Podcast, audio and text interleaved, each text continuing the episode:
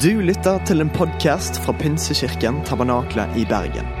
Vi tror at kirken skal være en plass hvor mennesker trives gjennom alle livets faser. En kirke for hele livet.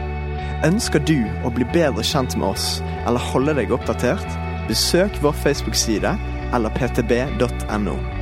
Her er ukens tale.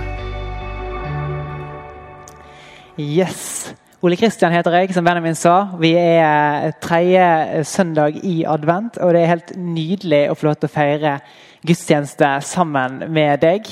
Og før jeg sier noe som helst mer, så har jeg bare lyst til å be litt sammen. Tusen takk, Herre, for at vi får lov til å dele den gudstjenesten sammen. Takk for at vi får lov til å være sammen med deg, Herre. Du, Jeg ber deg om at du skal legge dine ord i min munn, sånn at jeg kan få lov til å si det du skal si, Herre. La din vilje skje, og la ditt nærvær være her og hjemme i stuene rundt om, Herre. Takk for det, og takk for at du er her. I ditt navn, Herre. Amen. Nydelig. Du, som jeg sa, tredje søndag i advent. Det er ikke lenge til jul, altså. Og jeg, jeg vet ikke om du merker det, men når vi begynner å nærme oss jul, så er det sånn at det som liksom er veldig uviktig, det begynner å bli veldig viktig og det som liksom skal være det viktigste, nemlig Jesus i sentrum, det begynner liksom å bli litt uviktig. Men så er det kanskje sånn at uh, vi likevel leser juleevangeliet. Vi har lyst til å på en måte få det viktige med oss. Så leser vi juleevangeliet, og det blir veldig bra. Men så leser, blir det værende med det, og så tenker vi ikke noe over egentlig hva det er det vi leser. Vi sitter liksom ikke gjennom noe dybde, noe substans, uh, og tar inn over oss dette og tyngden og at Jesus ble født. Eh, og I dag så har vi derfor lyst til å peke på at det var ikke noe tilfeldig at Jesus ble født. Det var ikke noe tilfeldig at han kom, det var ikke ut av det blå, men det var Guds plan i lang tid. Og Gjennom mennesker i historien så har han pekt på at Jesus skulle komme. Og Det har vi lyst til å peke på i dag, og noen av disse historiene om menneskene. Og da har jeg lyst til å ta det med på en liten tidslinje, en liten historie. Vi starter eh, fram til Jesus. da. Og da er det sånn at Når det første vi møter, det er skapelsen. Og etter skapelsen ganske kjapt, så skjer syndefallet. Eh, da blir mennesket eh, sin relasjon til Gud eh, ødelagt. Eh, men ganske tidlig så begynner Gud gjennom historien og gjennom mennesker å peke på Messias, på en frelser, på noen som skal komme og gjenopprette denne relasjonen til mennesket igjen. Og så har jeg lyst til å hoppe videre inn i historien, fra, forbi Abraham, forbi eh, Moses og til kong David. For det er sånn at Kong David han hadde en lang og hard vei til tronen. Men til slutt så ble han konge først over Juda, og så etter et par år over hele Israel. Han klarte å samle folket til ett folk. Eh, David var en mann etter Guds hjerte. Han gjorde Jerusalem til hovedstad. Han flyttet paktens ark til Jerusalem, selve symbolet på Guds nærvær, i sentrum av folket. Eh, og han var virkelig en mann, en god konge. Og jeg hadde Folk så igjen tilbake på den tiden som gullalderen. Eh, og Det kan nesten virke som eh, David er denne Messias-skikkelsen som skal komme og skal gjenbrette og skape fred. Men så viser det seg at David også, han har feil, og han er heller ikke denne Messias-skikkelsen. Men han får likevel et løfte. og Det er det Nathan, profeten Nathan som gir til David. Eh, og Vi skal lese i 2. Samuels bok, kapittel 7, vers 12-16. Når dine dager er til ende og du hviler hos dine fedre, vil jeg reise opp din etterkommer, en av ditt eget kjøtt og blod til å etterfølge deg. Jeg vil grunnfeste kongedømmet hans. Han skal bygge et hus for mitt navn, og jeg vil trygge hans kongetrone til evig tid. Jeg vil være far for han, og han skal være sønn for meg. Når han gjør noe som er ondt, vil jeg straffe ham med stokk og slag fra mennesker. Men min godhet vil jeg ikke ta fra ham, slik jeg tok eh, den fra Saul da jeg lot ham vike for deg. Ditt hus og ditt kongedømme skal stå fast til evig tid for mitt ansikt, og din trone skal stå støtt til evig tid.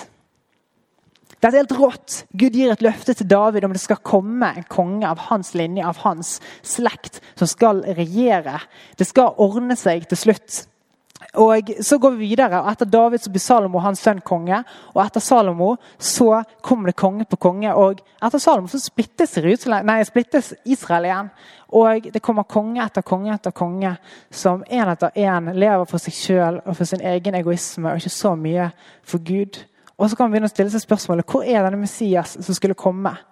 Og det, det, går nedover helt til de kommer til eksil i Babylon, som er et skikkelig bunnpunkt for Israel. Og I denne tiden, det er da vi møter profetene som kommer med budskap, som minner folket på at hei, hva er det Gud har sagt? Jo, det skal komme en frelser, en konge av Davids stamme, eh, av Davids slekt, som skal frelse oss.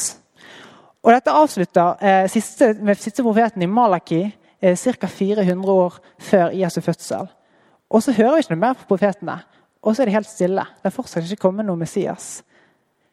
Hva skjedde med det løftet som Gud ga til David om en konge fra hans linje? Så kommer vi til år 64 før Jesu fødsel, og da er det Romerriket som overtar Israel. Og det er en ny okkupasjon. og eh, De undertrykte denne makten også. Først Babylon, så Romerriket. Og Det ser nesten ut som Gud har glemt sitt løfte. Og det er på dette tidspunktet at vår historie som kristne begynner. Er dette tidspunktet Nytestamentet begynner. For et skikkelig all time bunnpunkt. Vi har ikke hørt fra Gud på 400 år. Hva skjer, liksom? Og Da åpner vi Bibelen vår i Matteus evangelium, som er første boken i NT, kapittel 1 og vers 1. Og Der står det dette er ettertavlen til Jesus Kristus, Davids sønn, Abrahams sønn. Og så får vi spore hele, spore hele ettertavlen til Jesus tilbake til David og tilbake til Abraham. Og Det er kanskje ikke så spennende med sånne ettertavler sånn i utgangspunktet. Men grunnen til at Matteus åpner med akkurat dette, her, det er for å peke på at Gud eh, sender ikke Jesus. Den vi skal få høre om nå, det er ikke en hvem som helst fyr. Dette her er Jesus Kristus av kong David. Kongen som vi har ventet på i 1000 år, er endelig kommet her. Så det Matteus gjør når han forteller dette, det er å stadfeste vitnesbyrdet om at Jesus som er kommet, han er kommet, og han er ekte konge. Og eh, Så får vi se at Jesus han er Messias etter Davids linje. Han er konge av menneskets slekt og guddommelighet. Og Vi får lese i Lukas kapittel 1, 32. Der sier også engel til Maria om Jesus han skal være stor og kalles den høyeste sønn, og Herren Gud skal gi ham hans far Davids trone. Og Vi leser også at profetien oppfylles ved Jesus der. Gud er både av David sin slekt, kongeblod av mennesket, men òg guddommelig. Og vi får se at Jesus han er, har begge trekkene som skal til for å kunne være den rette kongen som skal gjenopprette alt for alle mennesker med Gud. Og Når vi ser på Jesus som konge, som Messias, så oppdager vi til vår stor overraskelse at Jesus han skaper et kongerike, himmelrike. Men det består ikke av geografi eller grenser, men av menneskers hjerter. Det er helt på hodet, hvor den minste er den største. Synder blir tilgitt. Og hvor hver enkelt som overgir seg til Jesus, kan forstå ansikt til ansikt med Gud. Det er det kongeriket som Jesus skaper som oppfyllelsen av dette. For det er Gud han glemmer ikke sine løfter. Men han har akkurat sin timing, sånn at våre hjerter er forberedt på det han skal gjøre når det kommer. Og Dette er det vi kan gå inn i juleevangeliet men vi leser videre de neste søndagene. og hører de andre historiene.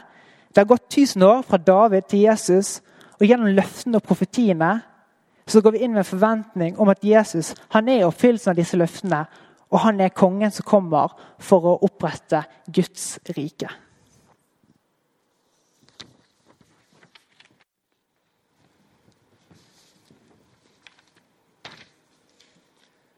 Gjennom hele Det gamle testamentet så er det en rød tråd av profetier som eh, peker fram mot denne store Messias som skulle komme.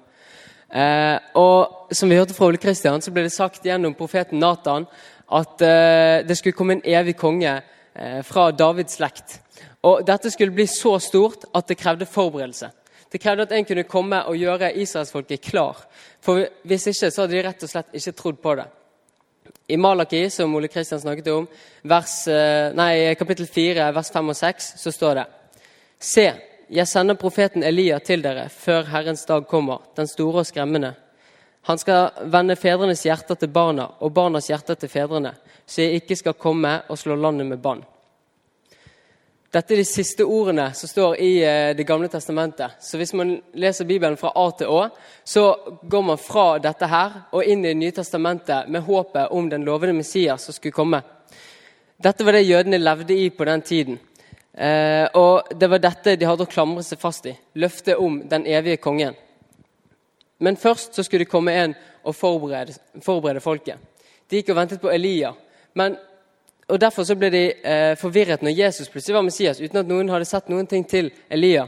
Og Jeg skjønner godt at de ble forvirret. Eh, men denne profetien her, den snakker egentlig om døperen Johannes. Eh, og Dette bekrefter Jesus selv og Gud bekrefter det også når han sender engelen til eh, Zakaria, som var en prest, eh, og sier det Eh, han sier at han skal få en sønn, og han skal kalle ham for Johannes. Og I Lukas 1, 17 så sier engelen til Zakaria Han, altså Johannes, skal gå i farveien for Herren med samme ånd og kraft som Elia, for å vende fedrenes hjerter til barna og gi ulydige det sinn som rettferdige har, for å gjøre i stand et, for Herren et vel forberedt folk. Johannes' sin oppgave det var å tilrettelegge for den kommende Messias. Han skulle være stor i Guds øyne. Og Det Malaki eh, profeterte mange hundre år før, det ble nå oppfylt ved Johannes. Engelen sier også det at Johannes skulle være fylt av Den hellige ånd helt fra han er i mors liv. Og Det jeg syns er fascinerende her, det er at Elisabeth, som er moren til Johannes, hun kjenner at ungen sparker inn i magen hennes når eh, hun blir hilset fra jomfru Maria. Og Elisabeth hun blir fylt av Den hellige ånd med en gang. Og Da ser vi det, at alt stemmer så på, på prikken riktig. Alle profetiene. Og eh, eh, vi ser det at Gud bruker Johannes helt fra før han er født en gang. Og når Johannes er voksen, så lever han ute i ørkenen. Og han forkynte om han som skulle komme etter han, til eh, folket som var ute med han. I Jesaja 40, vers 3, så står det En røst roper, rydd Herrens vei i ørkenen, jevn ut en vei i ødemarken for vår Gud.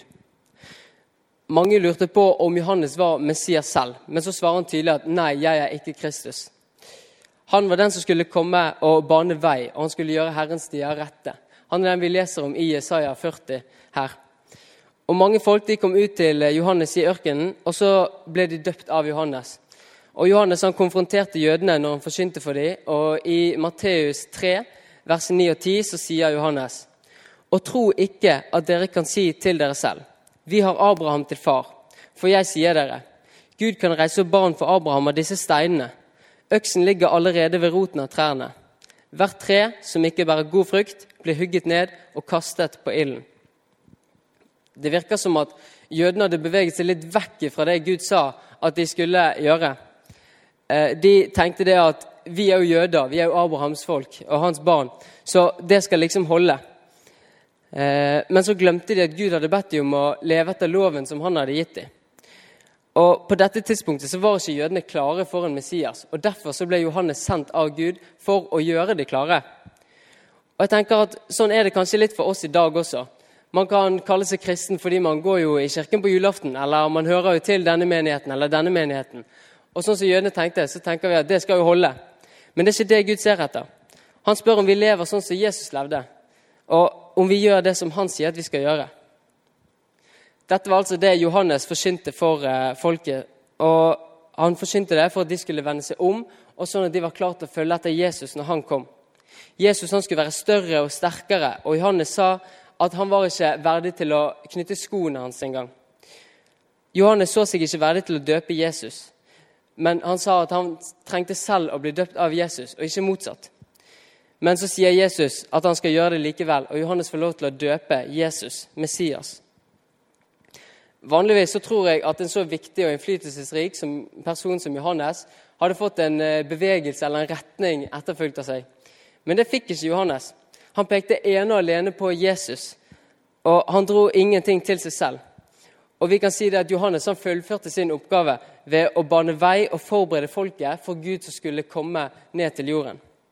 Altså så ser vi at Profetene og tekstene i Det gamle testamentet det pekte allerede mot Johannes, som var et verktøy for Gud. Men Johannes han pekte eh, igjen mot noe annet som skulle komme. For det er noe større og noe enda bedre var enda i vente.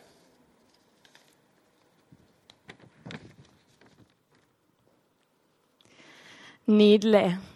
Vi er enormt heldige som har denne boken her. Bibelen. En gave fra Gud, har jeg lyst til å si at det er. Vi får lov til å lese den og forstå mer av hvem Gud er. Vi får lov til å lese den og bli venn med Jesus. Vi får lov til å bli kjent med hans karakter. Vi får lov til å lese om det han gjorde. Vi får lov til å se og lese hvordan han møtte mennesker. Og Vi får lov til å bruke denne boken her som en kompass for våre liv. Og det er nøkkel til å kunne forstå og se mer av Guds kjærlighet til oss.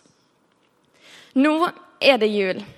Og du som meg, vi vet nok at vi feirer jul fordi at Gud ble menneske og kom til denne jorden her. Vi vet at Jesus kom, vi vet at han levde, og vi vet at han døde på et kors for min og din skyld og skam. Men vi vet også det at han sto opp igjen at han overvant døden, sånn at han kunne få lov til å leve i en tett og nær og god relasjon med deg og med meg. Og ikke bare her, men her på jorden, men det er også i evigheten. Men det at Jesus kom til jorden, det kom som en overraskelse for noen. Men for andre så var det noe som de lenge hadde ventet på. Noe de hadde lengtet etter, og noe som de ville bare skulle skje. Mens for andre så var nok det at Jesus kom, en større overraskelse. Men det var mange som ventet på at disse profetiene skulle komme i oppfyllelse. I Isaiah 53 så finner vi en profeti om Jesus. Altså en tekst som forteller noe om at Gud han har planlagt noe som skal skje, og vi skal få lov til å oppleve det. Tekster som dette her, som i Jesaja 53, det gir meg troen på en allmektig Gud. Det gir meg troen på en Gud som holder sine ord, og en Gud som er villig til å ofre det kjæreste han har, for oss som han elsker. Jesaja 53 gir meg troen på det at Jesus kom til jorden. Det var ingen tilfeldighet, men det var en del av Guds store, gode plan for deg.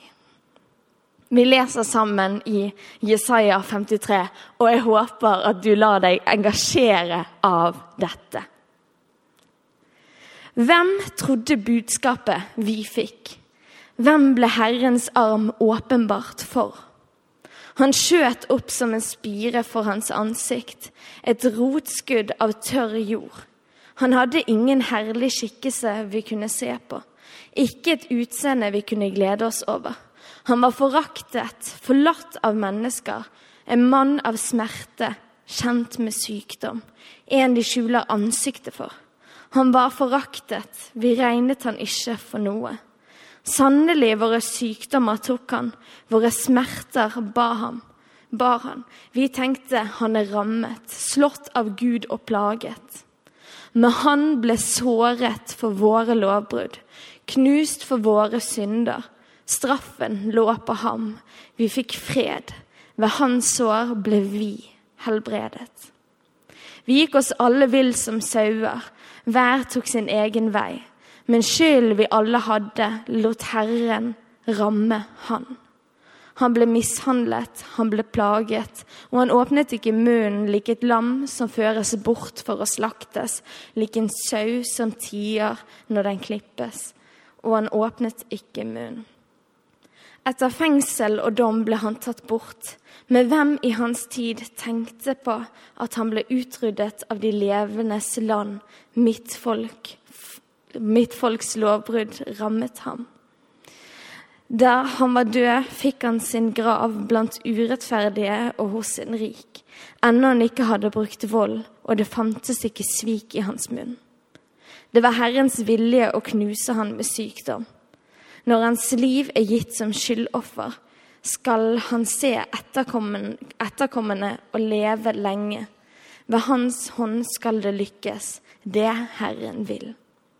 Etter sin nød skal han se lys. Han skal mettes med sin innsikt. Min rettferdige, min rettferdige tjener skal gjøre det mange rettferdige. Han har båret deres skyld. Derfor gir jeg ham del med de mange. Med de mektige deler han bytte, fordi han tømte ut sitt liv til døden.